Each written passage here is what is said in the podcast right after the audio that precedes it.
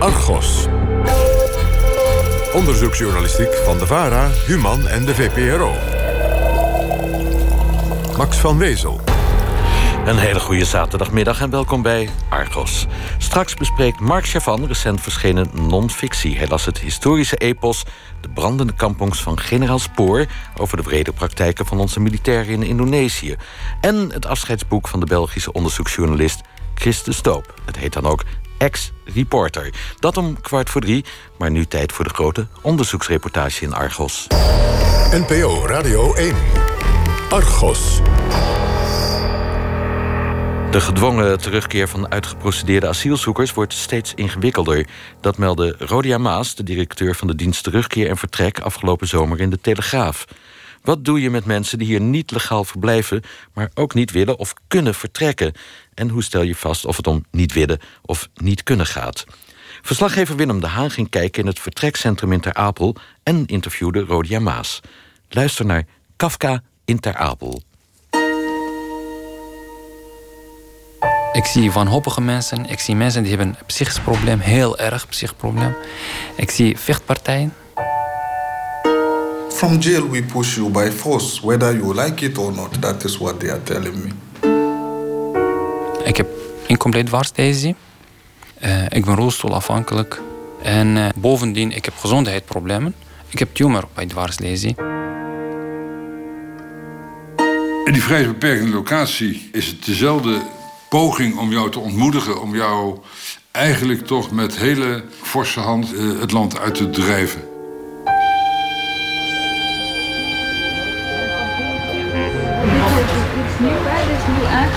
Strook, waar we nu op staan. En dat loopt helemaal, uh, nou, ik denk wel een kilometer door, als het niet meer is. Het is half mei. We zijn in Ter Apel, Zuidoost-Groningen. 15 kilometer boven Emmen bijna op de Duitse grens. In de leegte van de uitgestrekte aardappelvelden liggen de kantoren van het landelijk aanmeldcentrum van de IND. Er wordt aan alle kanten druk gebouwd op het terrein, waar we worden rondgeleid door een medewerker van COA, de overheidsorganisatie die verantwoordelijk is voor de opvang van asielzoekers. En nou zijn ze uh, achter het aanmeldcentrum, daar zijn ze uh, nieuw aan het bouwen. Of een gedeelte is al klaar, ook daar. Op het uitgestrekte terrein is ook het Landelijk Vertrekcentrum. Officieel de Vrijheidsbeperkende Locatie geheten, afgekort VBL. Uitgeprocedeerde asielzoekers verblijven hier 12 weken om de noodzakelijke papieren te regelen om terug te kunnen keren naar het land van herkomst. Er lopen al mensen met tassen hier. Het lijkt wel of hier een, eh, een winkel is of wat uh, uitgiften van spullen. Nou, de, dit gedeelte is de vrijheidsbeperkende locatie. Maar hier aangrenzend zit de centrale ontvangstlocatie. Die is voor mensen die net in Nederland binnen zijn gekomen. En wat je ziet is dat mensen daar spullen halen die ze nodig hebben voor hun eerste verblijf in Nederland. Oké, lakens, eh, potten, pannen of... Ja, ik zag borden en van alles en nog wat. Wanneer de asielaanvraag is afgewezen, krijgt een asielzoeker 28 dagen de tijd om zelfstandig te vertrekken. Wie dat niet doet, komt vroeg of laat op deze plek. Geen gevangenis. Je kan vrij je groepswoning in en uit en je kan van het terrein af. Maar er is wel een dagelijkse meldplicht. Er zijn onaangekondigde huiszoekingen. Je mag niet buiten de gemeentegrens komen. En je moet rondkomen van 45 euro per week. Iets meer dan 5 euro per dag. Daar moet je ook al je eten van kopen. Een pleintje met jonge aanplant van uh, struiken en heel veel fietsen. grasveldje in het midden. Speeltoestellen. Er staat iemand de ramen te wassen. Er zit iemand op een stoepje te bellen. Er staan wat jongens bij een deur te praten en te kijken. Ik zie een kinderwagen met een babytje erin. Als onze verslaggever Willem de Haan de VBL bezoekt, verblijven er zo'n 350 mensen. In totaal is er plaats voor 500. De uitgeprocedeerden wonen in groepswoningen. Tijdens het verblijf moet de vreemdeling duidelijk maken wie hij is en zorgen dat zijn papieren in orde zijn om te kunnen terugkeren naar het land van herkomst. Drie maanden op een niet bepaald prettige plek.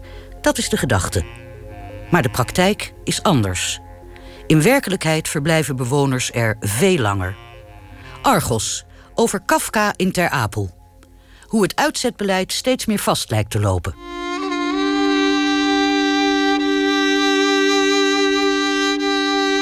Ik ben uh, Mushrak Ahmadi, Irakese afkomst. Ik ben zelf Koerd. Ik ben 34 jaar. Ik woon sinds oktober 2010 zes jaren in Ter Apel. Met zijn zes jaar is Mushrak Ahmadi de bewoner die het langst in Ter Apel verblijft. De twaalf weken om zijn terugkeer te realiseren bleken volstrekt onvoldoende. Mushrak Ahmadi's verhaal is ingewikkeld. De reden dat ik kan niet terug naar Noord-Irak. Ik kan niet daar leven en het is onveilig.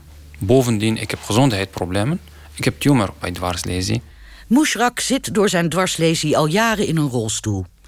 Enige tijd geleden is ook een tumor op zijn wervels ontdekt. Hij is een aardige man, in spijkerbroek en zwart overhemd. Vriendelijke ogen. Zijn zwarte haar begint tot zijn spijt hier en daar al grijs te worden. In 2002 overkomt hem een bizar ongeluk in Noord-Irak als hij op de vlucht is voor de familie van een meisje uit een rijk milieu met wie hij een relatie heeft. Haar familie vond het niet goed als jij als eenvoudige jongen met haar zou trouwen? Nee. Dat was geen mogelijkheid? Nee, want ik heb een keertje met, met haar broer gesproken. En hij zei tegen mij dat ik rommel ben. En uh, als ik nog een keer durven met haar te spreken over trouwen of relatie, hij gaat mij benen afmaken. En wist die broer toen ook dat zijn zuster al zwanger was van jou? Nee, die familie wist het niet. En het was ons probleem wat wij moeten doen. Kort na het bezoek aan de broer van zijn geliefde Shema rijdt Mushrak met zijn auto op een verlaten weg in het noorden. Toen ik was onderweg, ik zie één auto achter mij en ik zie Kalashnikov. Ik heb geprobeerd te snel rijden, dat misschien ik ga die kogel ontwijken, maar die straten bij ons gebied het is heel slecht. En mijn auto wordt op kop gevallen naar beneden. Je werd van de weg geschoten en de auto viel naar beneden met jou erin. Ik heb mijn, mijn ogen open uh, gedaan. Ik kan niet goed herinneren. Maar alles wat ik goed herinner, dat ik kon niet mijn lichaam bewegen. Ik weet dat ik word gebracht naar het ziekenhuis. Die eerste gezicht die heb ik gezien is verpleegkundig. Heel veel mensen onbekende gezichten. En ik was onbewust. Na twee maanden hoort Moesrak dat zijn geliefde dood is. Ze is van de trap gevallen. Die dag die ik had ongeluk, heel veel lawaai gehoord van Shema en zijn broer en familie. En veel mensen schreeuwen. En dan volgende dag, ja, iedereen was aan het huilen. Uh, lichaam van Shema gebracht naar moskee. En komt mensen uh, condoleren. Ja, Shema wordt gevallen van trappen, ze had hersensbloeding. Denk jij dat ze van de trap is gevallen? Nee, dat geloof ik niet. Nee, Wat denk je dat er is gebeurd? Ze wordt vermoord door haar broer. Mushrak houdt een dwarslesie over van het ongeluk. Zes jaar lang houdt hij zich schuil in Irak uit angst voor de familie van Shema. Dan besluit hij, met hulp van zijn broer, naar Nederland te vluchten. Van dorp naar dorp, met auto, van auto naar auto, van auto naar auto. En ik zit in vrachtwagen van Turkije. En ja, verschillende smokkelaars, verschillende mensen. Ja, het was heel erg vervelend. De asielaanvraag van Moesrak wordt afgewezen omdat de IND zijn verhaal ongeloofwaardig vindt. Hij heeft geen foto's, geen bewijzen, geen getuigen. Moesrak moet terug. Maar er is een probleem. Irak neemt alleen landgenoten terug die vrijwillig terugkeren. En dat wil Moesrak onder geen beding. Ambtenaren van de dienst Terugkeer en Vertrek, afgekort DTNV, dreigen hem op straat te zetten. De eerste gesprek met uh, de regievoedering van DTNV. Ik word heel erg bang. Wat zeiden ze dan, waar je bang van werd? Nou, je hebt eh, twaalf weken om terug naar land van herkomst. Als je niet, dan je wordt of op de straat of in gevangen. Nou, op de straat, ik zit in een rolstoel. Wat, wat ga ik doen op de straat? En die gesprekken gaan nu al zes jaar. En dat is steeds ditzelfde patroon. Nou, zes jaar nu. En ik ben moe geworden van denken. Ik weet dat ik mag niet in Nederland blijven. Moet je terug. Gewoon herhalen, herhalen.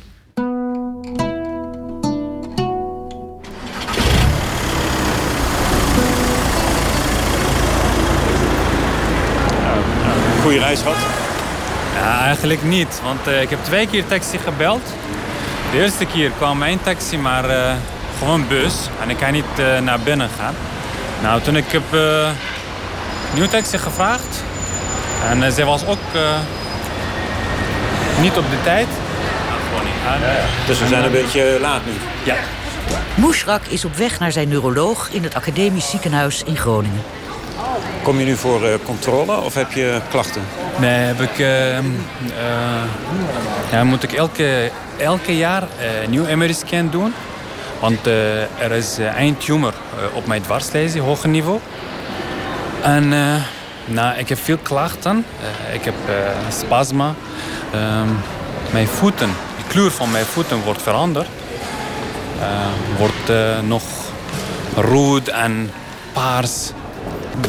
En waar gaan we nu naartoe? Naar welke specialist? Uh, naar neurochirurgie, dokter Otterdom.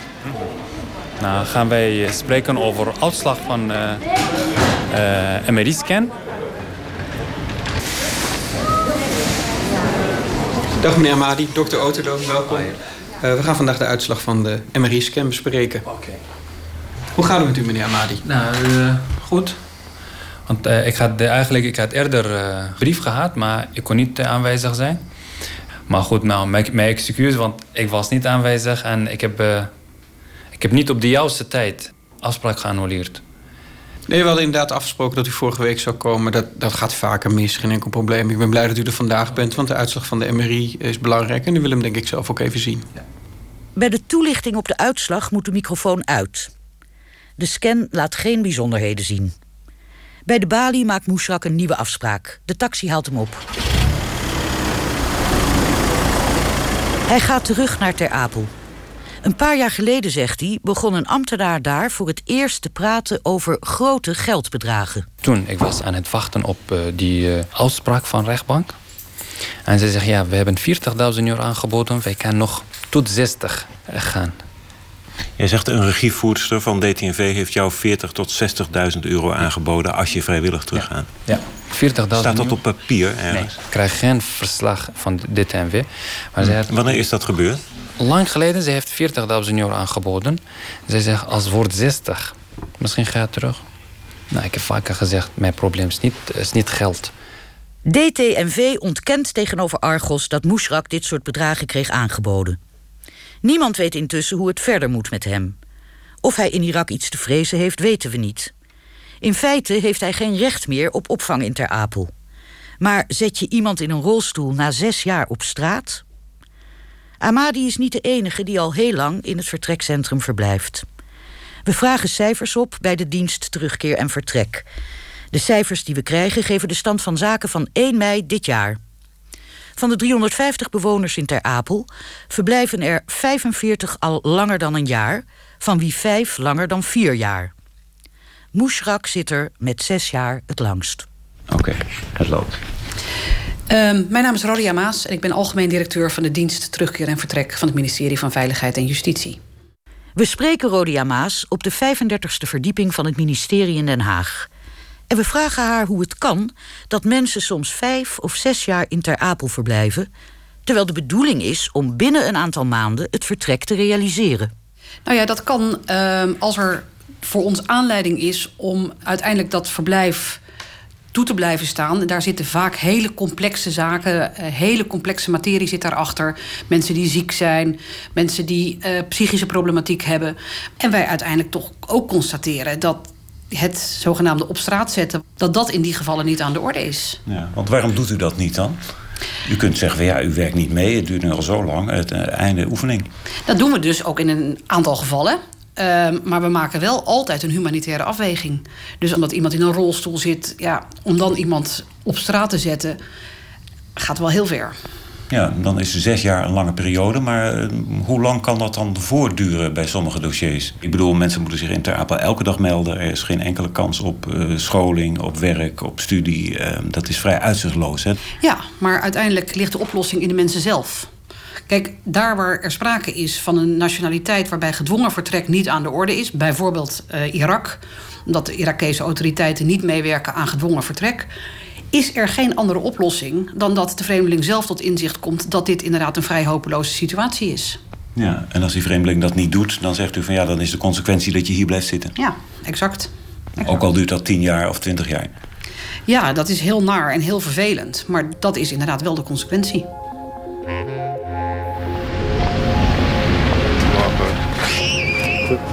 Ah, daar. Volgende deur.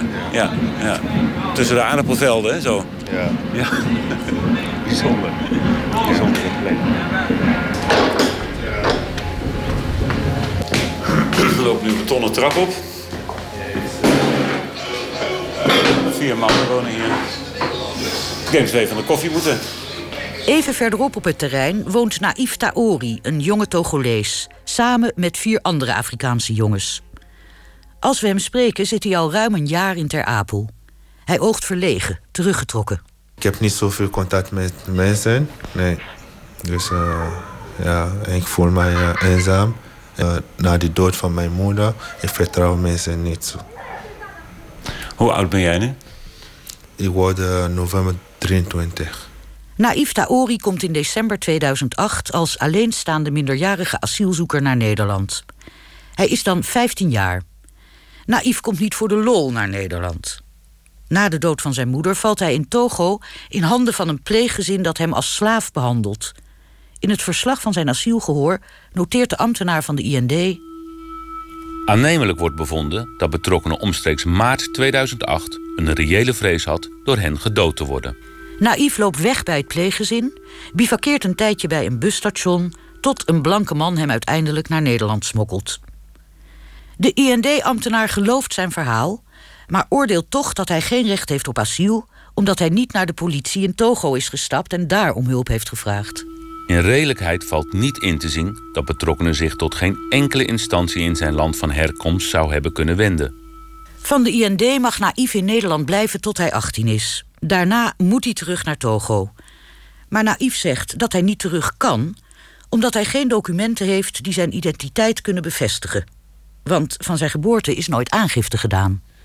Ja, bij ons, als je de kind niet uh, in de ziekenhuis uh, geboren bent... of als je die vader is uh, niet toegekend dat die zoon is voor hem...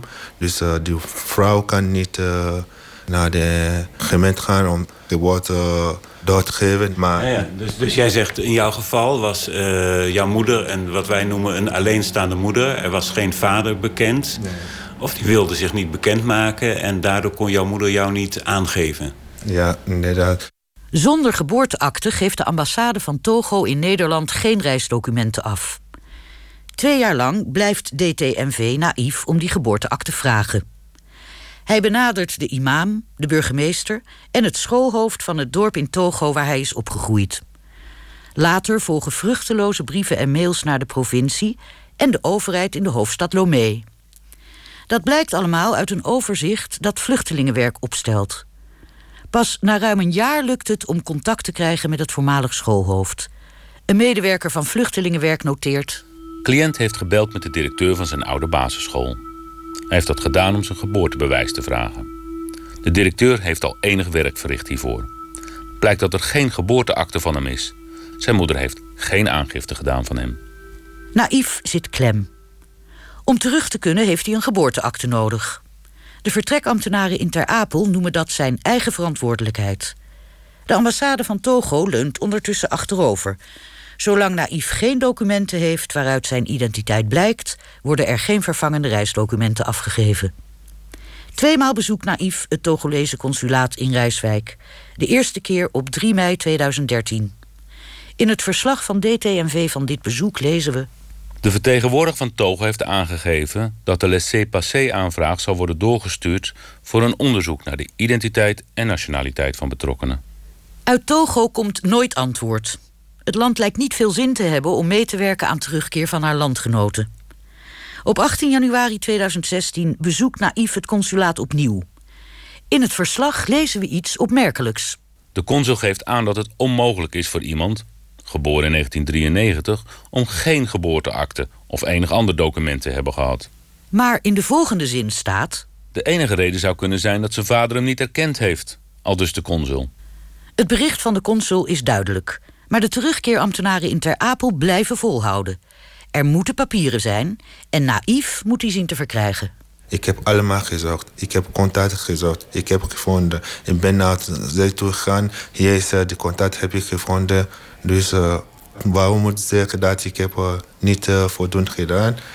Zij doet niet eerlijk. Dit gedoe duurt nu al bijna vijf jaar. Sinds anderhalf jaar zit Naïef in Ter Apel. Daar moet hij elke dag stempelen.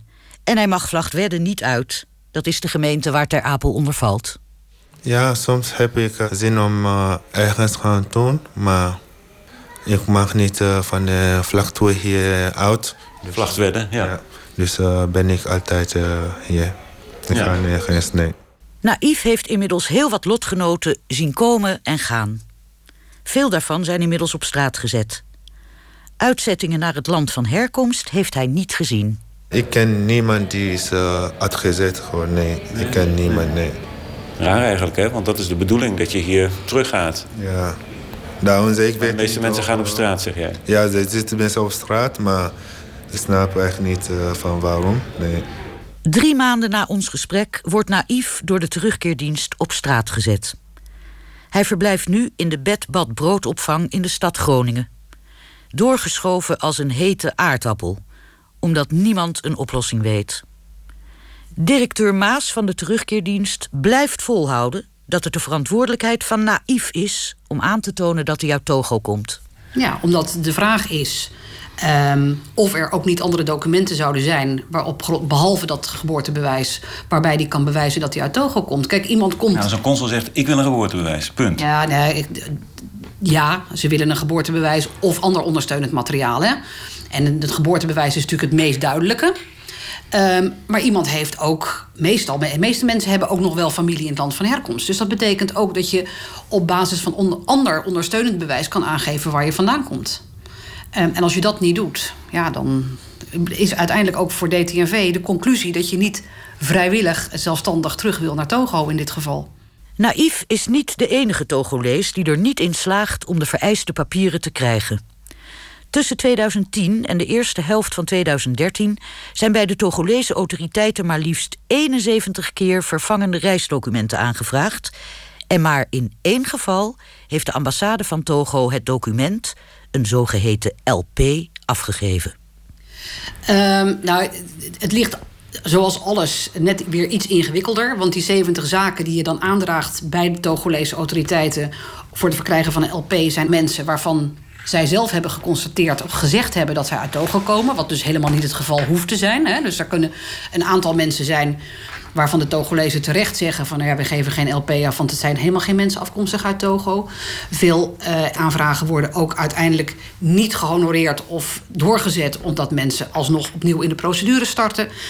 Dus er zijn allerlei redenen waarom die 70 niet ook tot 70 LP's zouden moeten leiden. Dat laat onverlet dat één LP door de Togolezen afgegeven niet heel veel is. En dat ook onze ervaring is dat je hebt landen waar het best heel ingewikkeld voor is. Ja. Ook uitgeprocedeerde asielzoekers uit andere landen hebben vaak moeite om dat vereiste reisdocument, het LP, te krijgen. De Adviescommissie Vreemdelingenzaken, een adviesorgaan van de regering, wees vorig jaar in een rapport op de weigerachtige houding van landen van herkomst om mee te werken aan terugkeer. Het wordt als gezichtsverlies gezien. Het kost opvangcapaciteit en migranten in Europa sturen veel geld naar hun familie in die landen van herkomst. Directeur Maas plaatst hier een nuancering bij. Nou ja, in de praktijk merken wij dat een aantal landen niet meewerken aan gedwongen terugkeer. Vrijwillige terugkeer is eigenlijk, is onze ervaring eigenlijk altijd mogelijk. Heel incidenteel gebeurt het wel eens dat iemand echt zijn best doet om terug te willen en dat het niet kan. Maar eigenlijk, onze ervaring is dat iemand die terug wil, heel snel terug is. En dat daar waar mensen dus zeggen: ik wil wel terug, maar het lukt niet, eigenlijk altijd sprake is van toch het zelf traineren van, uh, uh, van de eigen terugkeer. Nou, dat is natuurlijk voor u als overheidsinstantie ook eigenlijk de enige manier om er naar te kijken. Want als u dat los zou laten, dat idee van als je het wil, dan kan het ook, dan zijn wij echt heel ver van huis. Ja, maar het feit is ook gewoon zo. Je kunt zeggen van ja, het is de enige mogelijkheid om er naar te kijken. Maar het, het is, de praktijk wijst dat ook uit.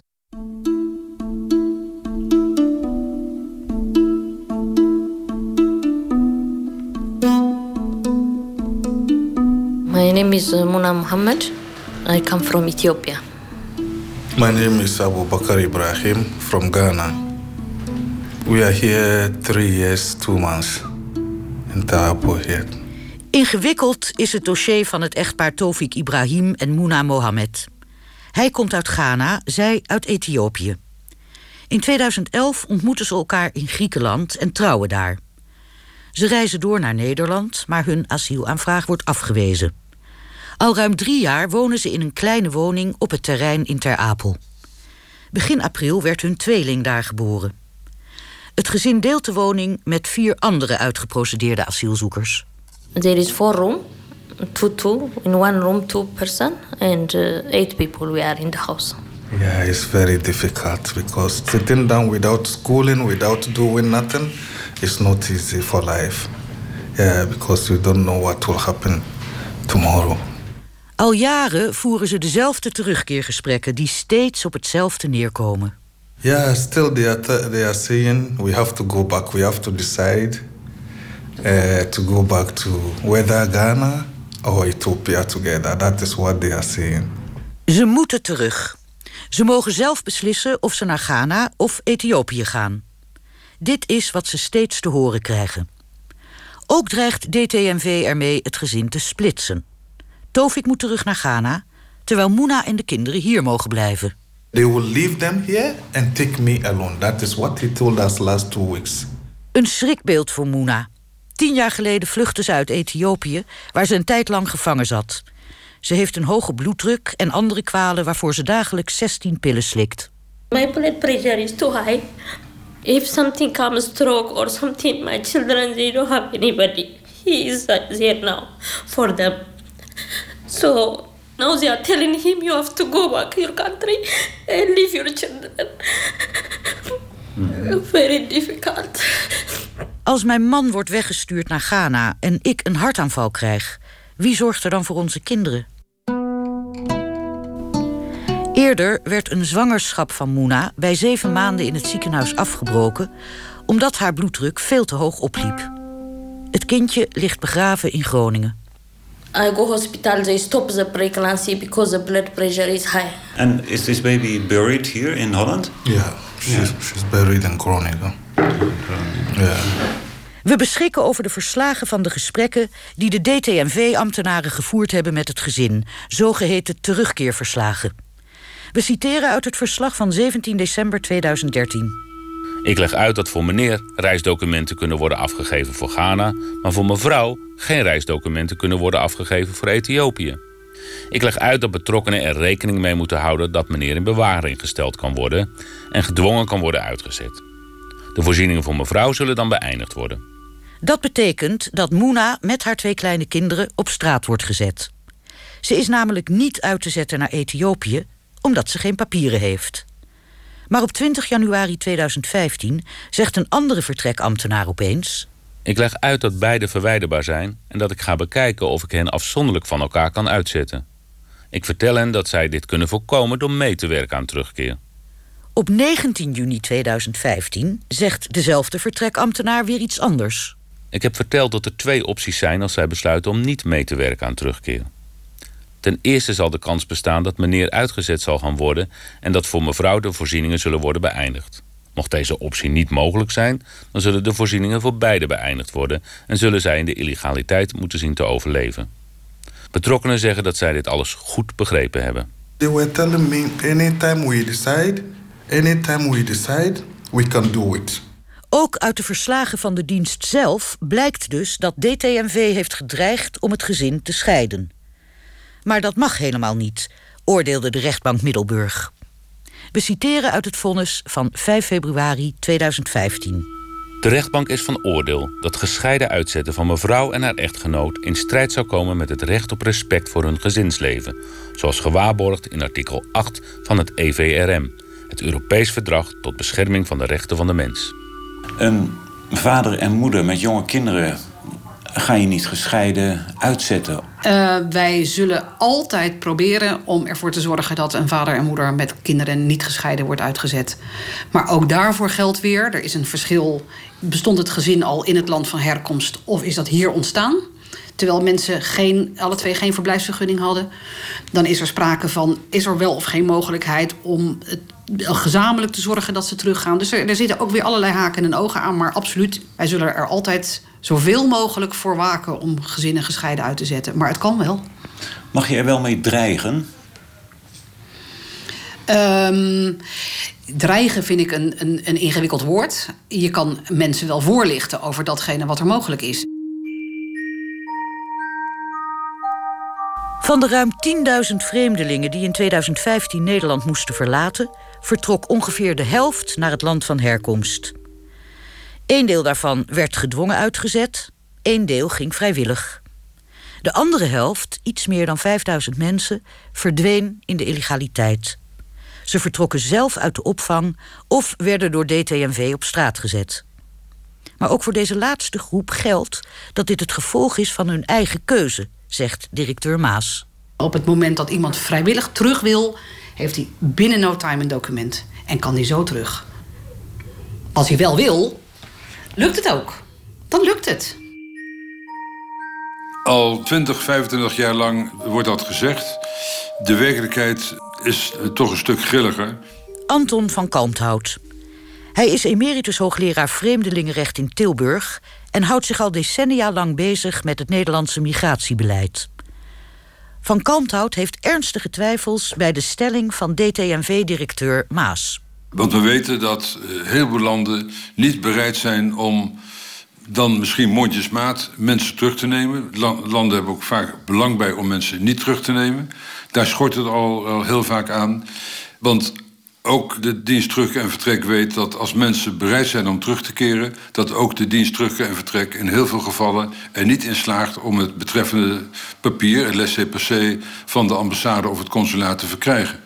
Maar op het moment dat een vreemdeling zich meldt bij de ambassade en zegt: Ik wil vrijwillig terug, heeft die ambassade toch eigenlijk geen keus om daaraan mee te werken? Nee, tenzij, en dat is ook weer een probleem, niet vastgesteld kan worden dat iemand uit dat land komt. In heel veel gevallen, dat zie je uh, tussen Algerije en Marokko, maar je ziet het ook met uh, mensen uit Azerbeidzjan en Armenië. De bevolkingssystemen die zijn niet zodanig dat makkelijk is vast te stellen of iemand uit dat land afkomstig is of niet. Dat wordt niet allemaal zo geregistreerd zoals dat hier in Europa het uh, geval is. Zegt u dan op het moment dat een ambassade maar enige twijfel kan oproepen over de nationaliteit van iemand, dan zal die zeggen van nou, ik, ik weet niet of jij wel uit mijn land komt, ik neem jou niet terug. Ja, men heeft er helemaal geen belang bij om iemand waarvan men twijfelt of hij wel een landgenoot is, om die terug te nemen. En als er totaal geen gegevens gevonden kunnen worden. Iemand heeft geen paspoort. Uh, uit het land zelf, dat is ook nog het punt van. Uh, het kost vaak weer een hoop tijd, geld en moeite. om in het land zelf onderzoek te doen naar de vraag van: komt iemand wel uit dat land? Nou, als daar geen energie in wordt gestopt. of er komen geen positieve antwoorden op. ja, dan wordt het antwoord uh, nee. Dat een aantal landen zich weinig coöperatief opstelt, bleek eind mei ook uit antwoorden van staatssecretaris Dijkhoff op Kamervragen. Op dit moment verloopt de samenwerking op het gebied van gedwongen terugkeer minder soepel met onder andere China, Algerije, Ethiopië, Irak, Iran, Somalië, Sierra Leone en Guinea. Daarnaast werkt een aantal landen tegen door het stellen van veel voorwaarden, het niet reageren op verzoeken of het opwerpen van vragen. Anton van Kalmthout pleit voor een maximum verblijfsduur in Ter Apel. Als het de dienst terugkeer en vertrek niet lukt om iemand binnen drie jaar uit te zetten, dan zou zijn dossier opnieuw bekeken moeten worden. Je kunt niet iemand 10, 20, 30 jaar lang in een vrijheidsbeperkende locatie eh, laten zitten.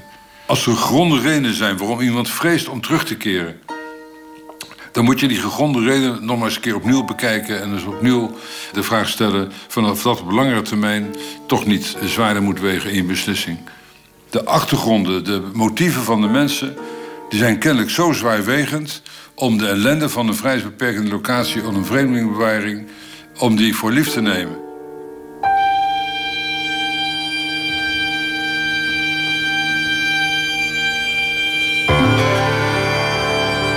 Vertrekcentrum dat voor veel mensen helemaal geen vertrekcentrum is. Ter Apel. U hoorde een reportage van Willem de Haan en Huub Jaspers... en de techniek was in handen van Alfred Koster. De advocaat van de Togolees Naif Taori... heeft de hulp ingeroepen van de nationale ombudsman... omdat hij meent dat zijn cliënt alles heeft gedaan om terug te keren... en niet op straat gezet had mogen worden. Het CDA in de gemeente Vlagwedde is samen met de burgemeester van die gemeente in overleg getreden met het vertrekcentrum om voor de Irakees Mushrak Ahmadi betere huisvesting en levensomstandigheden te krijgen. Op de site www.vpro.nl/argos vindt u meer informatie over de uitzending, waaronder foto's van de betrokken uitgeprocedeerde asielzoekers en een niet eerder uitgezonden filmpje dat NOS-collega Babette Olde-Hanhof een aantal maanden geleden maakte over Amadi. En als u er dan nog geen genoeg van heeft, lees dan het Dagblad van het Noorden. Daarin vandaag een verhaal dat Willem de Haan maakte over Ter Apel.